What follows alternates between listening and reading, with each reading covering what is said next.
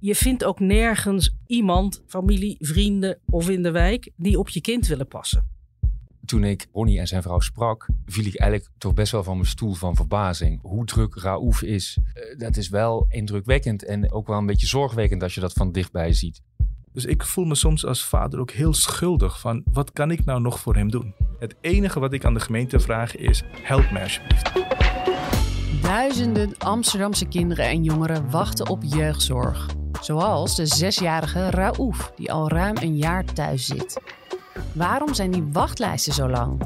Hoe houden ouders het vol als hun kind niet wordt geholpen? En waarom hebben steeds meer Amsterdamse kinderen extra zorg nodig? In Amsterdam Wereldstad, een podcast van het Parool, bespreken we een Amsterdams fenomeen en geven we antwoord op de vraag: hoe zit dat eigenlijk?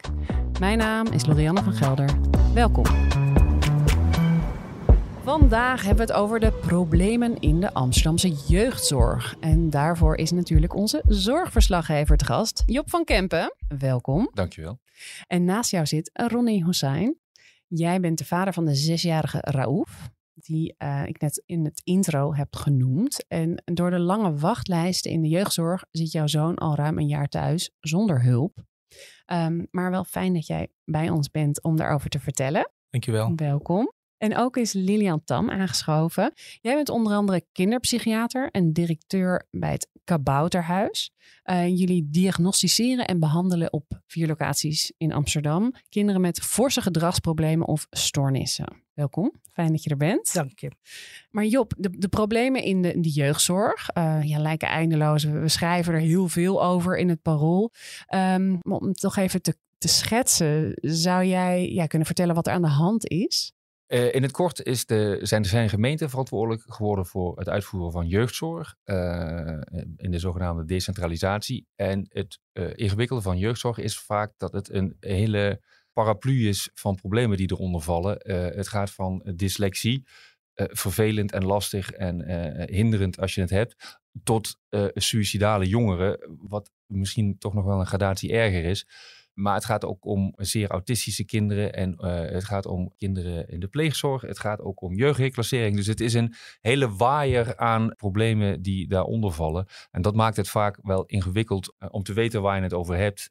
In het algemeen kun je wel zeggen dat, dat in al die sectoren het toch allemaal wel een probleem is. En, ja. en is er iets algemeens te zeggen over hoeveel jongeren in de stad, van kinderen tot jongeren, op wachtlijsten staan? Um, ik weet het niet uit mijn hoofd. Het nee, dat is zijn. een beetje de manco hè, van, van het totale overzicht. Dat hebben we nog onvoldoende. Ja. Ja, maar we gaan, waar we het in ieder geval vandaag over gaan hebben, het, het, het jonge kind. Ja. Um, je had er een artikel over een, een paar maanden geleden, ja. uh, waarvoor je Ronnie ook hebt gesproken. Mm -hmm. um, ja, het gaat over, over kinderen met uh, uh, ernstige ontwikkelings- of gedragsstoornissen. in de leeftijd van 0 tot 7 jaar. En die zijn zo ernstig dat ze bijvoorbeeld niet naar een regulier kinderdagverblijf kunnen. Niet naar een regulier onderwijs kunnen. Dus hele luidruchtige kinderen. Kinderen die geen 10 seconden of 20 seconden stil kunnen zitten, maar op tafel kruipen. Kinderen met ernstige vormen van autisme. En ook kinderen met een verstandelijke beperking. Dus die um, cognitief niet altijd meekomen. Het lukt hun bijvoorbeeld niet om zindelijk te worden, om een heel eenvoudig voorbeeld uh, te noemen. En wat we gezien hebben, is dat de, de, er een enorme stijging is geweest in de wachtlijst van die kinderen. Ja, ja precies. En dat, zijn, uh, dat gaat in Amsterdam om een groep van 300 kinderen die thuis zitten en die wachten op een uh, geschikte behandelplek. En nou ja, Ronnie, jouw zoon Raouf, um, ja, zit in deze situatie. Hij is een van die 300 kinderen. Jullie wachten al ruim een jaar op specialistische zorg. Kun je uitleggen waarom uh, Raouf extra zorg nodig heeft? Uh, Raouf is uh, autistisch. Ja. Wij hebben tussen de periode 2019 en 2022 in Amerika gewoond. Uh, toen hij vier jaar oud was, is hij ook in Amerika. Er is vastgesteld dat hij autistisch is. Mm -hmm. En vervolgens uh, hebben ze daar gelijk werk van gemaakt. Dus hij ging naar de speciale groep, een uh, kabouterhuis in New York. En het mooie daarvan is dat soort dergelijke klassen zijn onderdeel van een reguliere school. Ja. En Rauf werd daar uh, heel goed geholpen. enorme ontwikkeling meegemaakt. En hij is ook gegroeid in ontwikkeling. Ja. En even voor mijn beeld, je hebt heel, autisme is, is vaak een spectrum. Um, ja, hoe is de situatie bij Raouf? Hij, ehm, nou, Job heeft bij ons thuis ook eh, meegemaakt. Hij is heel onrustig. Eh, hij moet heel veel prikkel verwerken op een dag. eh, en waardoor hij niet kan concentreren. Dus Raouf, ehm, vijf minuten, wat zeg ik, één minuut ergens zitten. spelletje aan het spelen, nee, dat bestaat niet. Ehm, we moeten hem continu in de gaten houden. Ja. Er is geen moment op de dag dat wij rust in ons hoofd hebben. Of mijn vrouw of ik zijn er continu met hem mee bezig. En dat raakt ons enorm. Ehm, eh, het is zelfs zo ernstig dat mijn vrouw eh, nou, gewoon fulltime thuis zit. Ja, Ehm, en zij heeft gewoon fysieke klachten daarvan overgehouden. ja, ja. En eh, er is maar één oplossing. En dat is dat Raouf op korte termijn behandeling krijgt.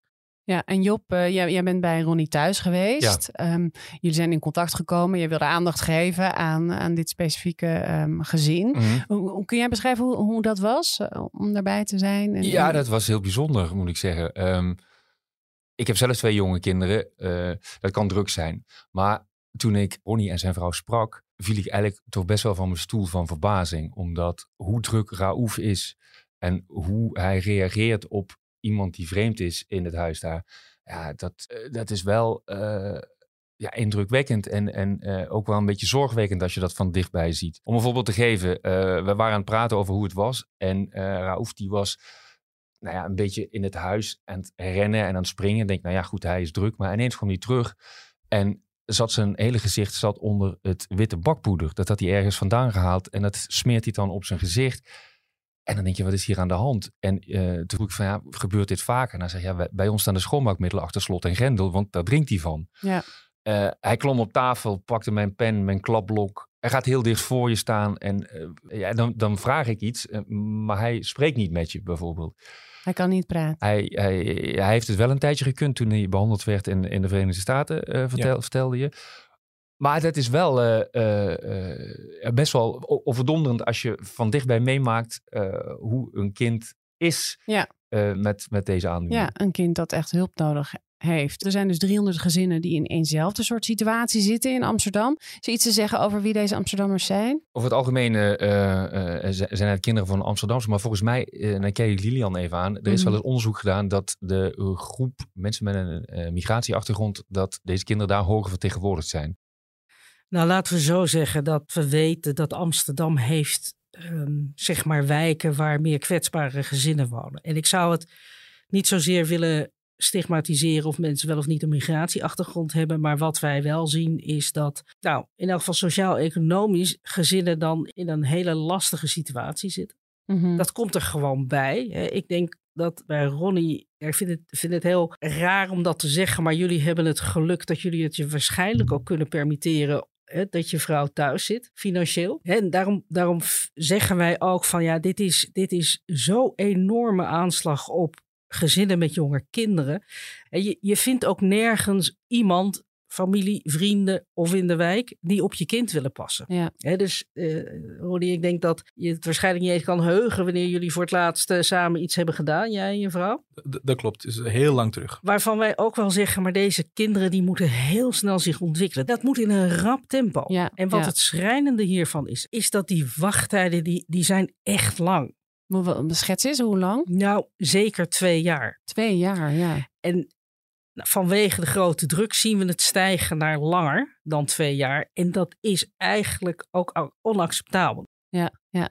En Job, wanneer komen Amsterdamse ouders nou bij zo'n kabouterhuis terecht met hun kind? Dat kan bijvoorbeeld als een kind naar een eh, regulier dagverblijf gaat, maar daar zeggen de begeleiders van, nou, het is toch een beetje te druk voor ons. Of eh, we vinden het gek dat het kind nog niet zindelijk is, terwijl leeftijdsgenootjes dat wel zijn. Nou, dan kunnen ze zeggen, misschien moet zo'n kind eens naar een kinderdagverblijf. Of het kan ook zijn dat ouders meerdere kinderen hebben en het eerste kind naar een regulier eh, kinderdagverblijf is geweest. Dat ging goed. En het tweede kind eh, eh, blijft iets achter, begrijpt minder. Dan kunnen ouders op een gegeven moment ook denken, ja, misschien is er toch iets aan de hand in de ontwikkeling met dit kind. En dan kunnen ze via een ouder- en kindteam terechtkomen bij een, eh, bij een kabouterhuis. Want eh, En wat doet het kabouterhuis dan? zij, zij eh, kijken naar een kind en zij diagnosticeren het kind. Dus ze kijken naar of er een psychisch probleem is.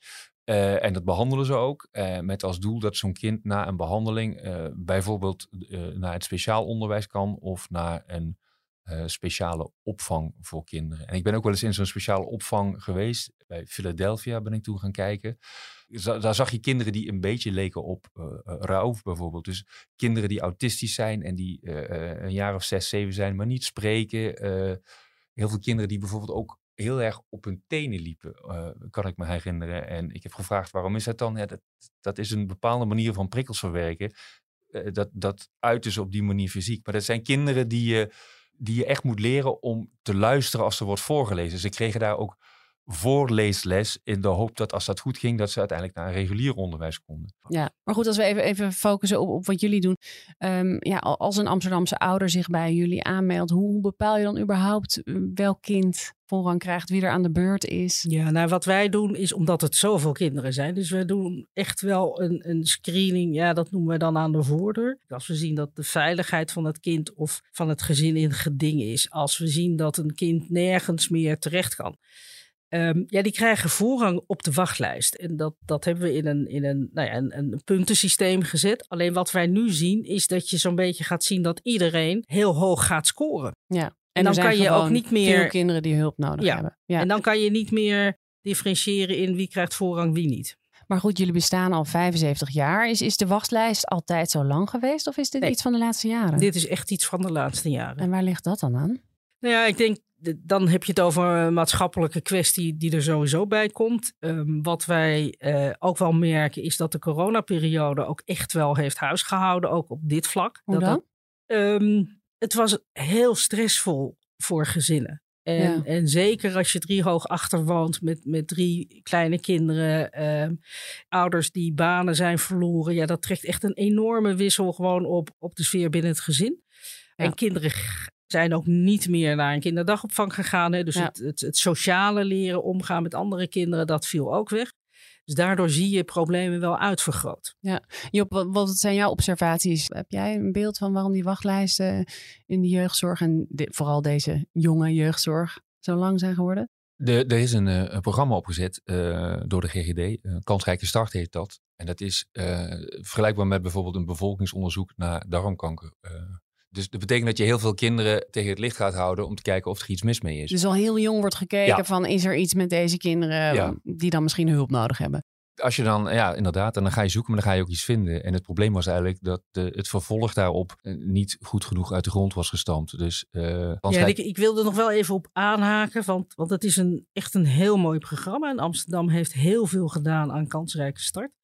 Wat je ook wel ziet, is dat je um, zonder heel veel inmenging van allerlei organisaties, dat we ook heel laagdrempelig mensen hebben kunnen ondersteunen. Hè? Dus dat zijn mensen die dan, of kinderen die geen hulp meer nodig hadden door een simpele, simpele ondersteuning. Ja. Maar daarnaast is ook wat Job zegt, ja, weet je, als je vroeger gaat kijken, dan ontdek je ook wat vroeger een aantal problemen. Ja, als je harder zoekt, dan vind je meer. Nou ja, harder zoekt, je, je vindt ze eerder. Hmm. En het uh, prettige daarvan is hoe eerder je ze vindt, hoe minder intensief bepaalde ondersteuning en ja, behandeling dus nodig er vroeg is. bij zijn is belangrijk. Dat wil ik absoluut ook uh, beamen, net wat Lenin aangegeven is. Je moet zo vroeg mogelijk bij zijn. Als Ja. je alle wetenschappelijke onderzoeken leest over kinderen met beperking, je moet zo snel mogelijk ontdekken. Dat is ook mijn advies naar altijd naar alle ouders toe. Wees niet afwachtend over het onderzoek en dan zo snel mogelijk erop anticiperen. Zeker als het gaat om gedrag. Uh, dit zijn de cruciale jaren, de, Ja. uh, de, de, de 0 tot 1 tot en met 8 jaar. Als wij deze 300 kinderen thuis laten, dan gaat de samenleving straks nog een hogere prijs voor betalen. Omdat Ja. deze kinderen, die gaan in ontwikkeling achteruit. Die gaan uh, de dingen niet kunnen leren dat wij hun vanaf het uh, begin konden leren. En dat is mijn grootste zorg met Raouf op dit moment, is dat, weet je, we zitten al nu ruim een jaar te wachten. Als er Mhm. nog een jaar erbij komt, is het weer twee jaar weggegooid. Ik met mijn vrouw zit met ledenogen aan te kijken, wat moeten we nou? Ja. Ik betaal gewoon mijn belastingen. Ik hou me aan mijn regels. Het enige wat ik aan de gemeente vraag is, help mij alsjeblieft. Weet je wanneer Raouf ergens terecht kan? Hij uh, gaat twee dagen nu in de week, de woensdagen en de uh, zaterdagen, naar Reiger. En Reiger uh, heeft een speciale programma opgezet omdat er te veel kinderen thuis zitten. Dus Reiger is, is net als het Kabouterhuis een speciale in- Ja, plek net- voor net- kinderen met specialistische behoeften. Eh, Exact. En daar zijn ook heel veel succesverhalen. Maar wat Raouf gewoon nodig heeft, dat wat hij in Amerika kreeg, het, het sloeg ook aan. uh, is hij heeft behandeling nodig. Hij heeft één op één uh, begeleiding nodig. Ik zal je een voorbeeld geven. In Amerika hebben we door middel van ABA-therapie, dat is een therapie dat wordt uh, toegepast voor kinderen met autistische kenmerken.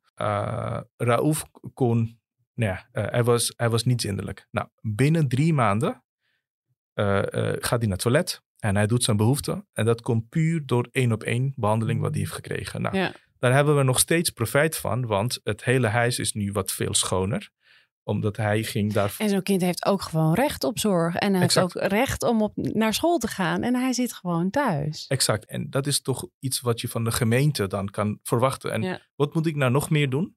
Zodat ik word geholpen. Dat is mijn enige vraag. Ja. En wat je ziet is dat waar Job al mee begon. Hè, er, er, over de hele linie van 0 tot 18 en eigenlijk daar ook nog iets over, is er zo'n enorme vraag aan jeugdzorg. Ja, dan gaat er een budgetkwestie spelen. Het gaat bijna altijd over geld. Nou, het is niet alleen het geld. Hè. want je moet op een gegeven moment ook gewoon menskracht hebben.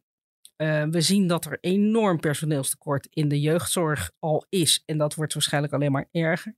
Wat wij zien in Amsterdam is dat als het gaat om maatschappelijke huisvesting, dat is gewoon niet te krijgen. Ook al zou je de mensen hebben, dan moet je gaan uitbreiden. Maar en maatschappelijke huis, huisvesting, dus bedoel je gewoon plekken voor gewoon, kinderen? Ja, je hebt gewoon een, een, een locatie nodig. Een, een, hè, je hebt ruimte nodig om daar ook je werk te kunnen doen. Maar je moet het ook hebben over, we zien ook veel gezinnen met bijvoorbeeld schulden. Dus dat we zeggen, je zou gezinnen met jonge kinderen, zou je overal voorrang moeten geven. Ja. dat je lef moet tonen en zeggen, maar deze kinderen hebben de toekomst, dus daar gaan we En waarom gebeurt dat niet? Nee, daar zijn we dus nu heel druk mee bezig om te kijken of we die voorrang kunnen, kunnen regelen. En dat is natuurlijk een klus voor de afdeling jeugd en voor de wethouder om te zorgen dat de andere wethouders en andere afdelingen hier ook voor gaan. Is het een idee, Lilian, ook om een soort master wachtlijstprogramma te hebben vanuit gemeente Amsterdam? Daar zijn we nu dus mee bezig om te kijken. En wat bedoel je daarmee, een master wachtlijst? Uh, iets wat ik me als het probleem nou zo groot is. En als ik nou gewoon aan de gemeente vraag, weten jullie wat het probleem is? En ze weten het maar niet hoeveel kinderen het zijn. Het is 300, 298, 310. Dat is al verkeerd. Als wij het probleem naar het Rijk willen brengen, het enige wat Rijk gaat als eerst vragen, kan ik wat ik me kan voorstellen, is dat, oké, hoeveel kinderen zijn het er? Wat voor uh, uh, uh, probleemgevallen zijn er? Hoeveel geld heb je daarvoor nodig? hoeveel aanbieders heb je? Moet er, hoeveel aanbieders moeten er nog meer erbij komen? Daarbij zit er een stukje personeel aan, daarbij zit een stukje opleiding aan en een stukje ook educatie naar de ouders toe. Ja. Ik zou dat plaatje wel eerst willen zien. Ronnie uh, heeft een uh, achtergrond als registeraccountant. Ja, en hij heeft een hele analytische blik. En dat is wel interessant in dit verhaal, want hij, uh, hij benadert het heel, heel analytisch. En uh, uh, ook van, vanuit zijn positie als burger. Zei, toen ik bij jou bezoek was, zei hij, ja, als ik mijn belasting niet betaal aan de gemeente, dan staat er binnen drie maanden een deurwaarde voor de stoep. Als de gemeente volgens de wet zorg moet leveren en het gebeurt niet, eh, sta ik met lege handen en gebeurt er niks. Ja, dat is een interessant punt. En ik heb wel eens rondgevraagd bij advocaten of er rechtszaken worden gevoerd om te kijken of de gemeente eigenlijk in gebreken blijft.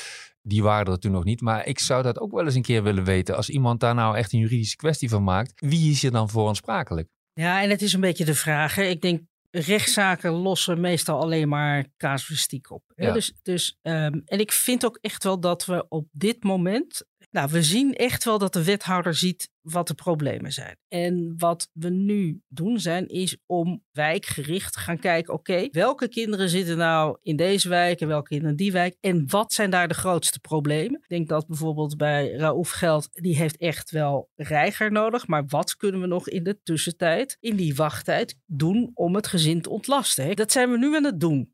Dus er verandert wel wat. Er verandert nu echt wat. Maar goed, jullie woonden in, in New York tussen 2019 en 2022. Daar ging het beter met, met Raouf. Uh, hij had heel erg intensieve begeleiding op een gewone school, begrijp ik. Um, is, is zoiets niet mogelijk? Dat het veel intensiever gewoon op een reguliere school mogelijk is? Dat hij nou, daar zijn wij deel uitmaakt van de samenleving?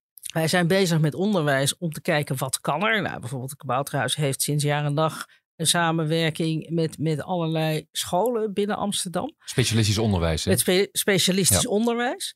Alleen wat je ziet is, ja, je moet wel um, personeel hebben om dat daar te kunnen neerzetten. En er is sowieso ook een leraar. En er is een lerarentekort. Hè? Dus, dus het, het, nou, ik vind dit een hele ingewikkelde tijd waarin we leven. Ja, het, grijpt, het grijpt in elkaar. Want je, toen ik uh, bij jou op bezoek was voor het verhaal, vertelde je ook, ja, soms hebben wij een behandeling afgerond dan is een kind op dat moment eigenlijk klaar voor het specialistisch onderwijs. Maar dan is er niet altijd plek. En dan is het behandeleffect, uh, als een kind weer een half jaar thuis gezeten, is verdwenen. Dus dan, mm. ja, dan uh, ben je het eigenlijk een klein beetje voor niks aan doen. Ja, en wij hebben overal begrip voor met z'n allen. Hè, want dat we ook weten, ja, maar ja, als er geen, leer, hè, als er geen leerkracht is op die school of geen, geen klaslokaal, ja, weet je, dan kan je niet die kinderen allemaal aannemen. Nee. Komt het nou voor, ja, het is wel een heel worst case scenario, maar komt het voor dat, dat een, een, een, een jongen als Raouf helemaal niet wordt geholpen? Of, um, ik moet zeggen dat ik daar, laten we zo zeggen, ik, ik ga ervan uit dat we geen enkel kind uh, laten vallen. Maar het is gewoon wel, als een jong kind lang moet wachten, ja, een aantal ja, mogelijkheden. Ja, dus een aantal mogelijkheden zijn dan niet meer mogelijk. Ja. En dus je wordt gewoon wel in zo, uh, soorten ondersteuning en behandeling ga je beperkt worden naarmate het ernstiger wordt. Ja, ja. En, en Job, wat, dus de gemeente, begrijp ik van Lilian, is er mee bezig om wachtlijsten te voorkomen. Maar ja, er wordt ook wel vaak gewoon gezegd van ja, wij kunnen dit niet allemaal oplossen. Er wordt ook naar het Rijk gekeken. Ja. Hoe zie jij dat? Ja, de gemeente Amsterdam is uh, uh, in mijn ogen wel best vooruitstrevend uh, om dit op te lossen. en de gemeente Amsterdam zoekt de oplossing erg in de combinatie van zorg en onderwijs. Dus ze willen binnen scholen ook bijvoorbeeld meer gaan behandelen, heel simpel gezegd. Ik denk wel dat dat een goede ontwikkeling is, omdat je op die manier ook wat kunt afsnoepen van het onderwijsbudget en kunt toevoegen aan het zorgbudget. Maar uh, ik heb het Mormon uiteraard voor dat stuk ook gevraagd van, uh, god, uh, hoe zie jij nou de problemen? maar zij wijst, verwijst ook naar het Rijk en zij, zij wijst ook nog in een wat breder perspectief over de hele jeugdzorg, hè, dus inclusief de ADHD en de dyslexie, naar maatschappelijke problemen, dat de wens om de vraag naar zorg eigenlijk groter is geworden. Ik geloof dat uh, in 1998 uh, de vraag naar jeugdzorg bij 1 op de 27 kinderen bestond. en in 2018 was dat bij 1 op de 10 ongeveer. Dus dit, er is een enorme vraag een eh, stijging geweest. Het is een enorme vraag, maar ik denk ook dat we maatschappelijk met elkaar moeten gaan stilstaan. Maar welke kinderen hebben nu echt zorg nodig? Nou goed, en daar, daar maakt de gemeente ook een ontwikkeling in. En dat de, de, de enkelvoudige specialisten, jeugdzorg, dat is zeg maar de wat lichtere vormen van uh, jeugdzorg daar is de gemeente ook voor aan het snijden. Dus dat, eh, maar er wordt dus gewoon eigenlijk sneller om hulp geroepen dan voorheen. of zijn er ook meer problemen? Ja, het, is, het is net als wat ik al eerder zei. Hè? Je moet ook gaan kijken, maar waar heeft nou een gezin het meeste last van? En er is, eh, ik ben even kwijt waar die pilots gedraaid zijn, maar er zijn wel, uh, en volgens mij Amsterdam is er ook mee bezig. Hè? Wat als je bijvoorbeeld gezinnen die in enorme financiële nood zitten, stel dat je die duizend euro per maand geeft, dan scheelt dat al enorm aan problemen. Uh, het kan best zijn, hè, wij zien ook vaak ouders die zelf eigen problematiek hebben. En dat je dan denkt, ja, maar als je zo angstig bent, kan je bijvoorbeeld ook niet voor je kind zorgen. Nou, we weten ook van de wachtlijsten bij de volwassenen GGZ, et cetera. Maar je ziet dat het soms ook al wel in de buurt opgelost kan worden. Ja, dus het, het hele pakketje moet gezien worden, het hele gezin. Ja. Ronnie, kan jij vertellen wat het voor jullie gezin zou betekenen als Raouf wel de zorg zou krijgen die hij nodig heeft? Nou, ik denk dat we dan eindelijk als een gezin kunnen gaan functioneren. Net waar Lilian ook aangaf, dan kunnen we wellicht mijn vrouw en ik naar buiten toe gaan. Uh, dan, dan zouden wij een middagwandeling kunnen maken samen. Dan zouden we ook veel meer aandacht aan onze dochter kunnen geven. Want die delft nu een beetje het onderspit. Dat, dat klopt. Uh, continu aandacht gaat naar Raouf. Uh, dat zou ook betekenen dat ik bijvoorbeeld iets meer rust krijg, zodat ik me op mijn werk kan concentreren. En ook dat mijn vrouw voornamelijk, zij iets meer tot haar rust komt en dat haar uh, uh, fysieke beperkingen minder gaan worden. Ja. de dagen dat Raouf nu alleen voor opvang, dus hij krijgt nog geen behandeling, maar naar Reiger toe gaan. We zien ook enorme verschillen ehm, in gewoon de thuissituatie. Het is veel rustiger. Uh, en waardoor we als gezin ook veel meer uh, en beter kunnen functioneren. Kijk, het, het is ons kind, Ralf. Dus we, we, we willen hem ook altijd om ons heen hebben. Maar we willen hem helpen. Wij zijn niet de professionals. Uh, wij kunnen hem dat hulp niet bieden waar hij echt behoefte aan heeft. Dus ik voel me soms als vader ook heel schuldig van wat kan ik nou nog voor hem doen? Ja. En dat is, goed, ik kan mijn emotie vaak wel in mij houden. Maar mijn vrouw die schiet continu, uh, weet je, in, er komen tranen los bij haar van, wat kunnen we nou voor hem doen? Ja, we zitten gewoon naar het probleem te kijken. We kunnen niet oplossen. Dat is zo frustrerend. Ja, nee, nee. Laat, laten we dan toch, Lilian, kunnen we op een, een iets positieve nood misschien concluderen dat die 300 kinderen, zoveel zijn het er nou ook weer niet. Ehm, komt dat nog goed? ik denk dat we altijd van de positieve kant moeten gaan bekijken.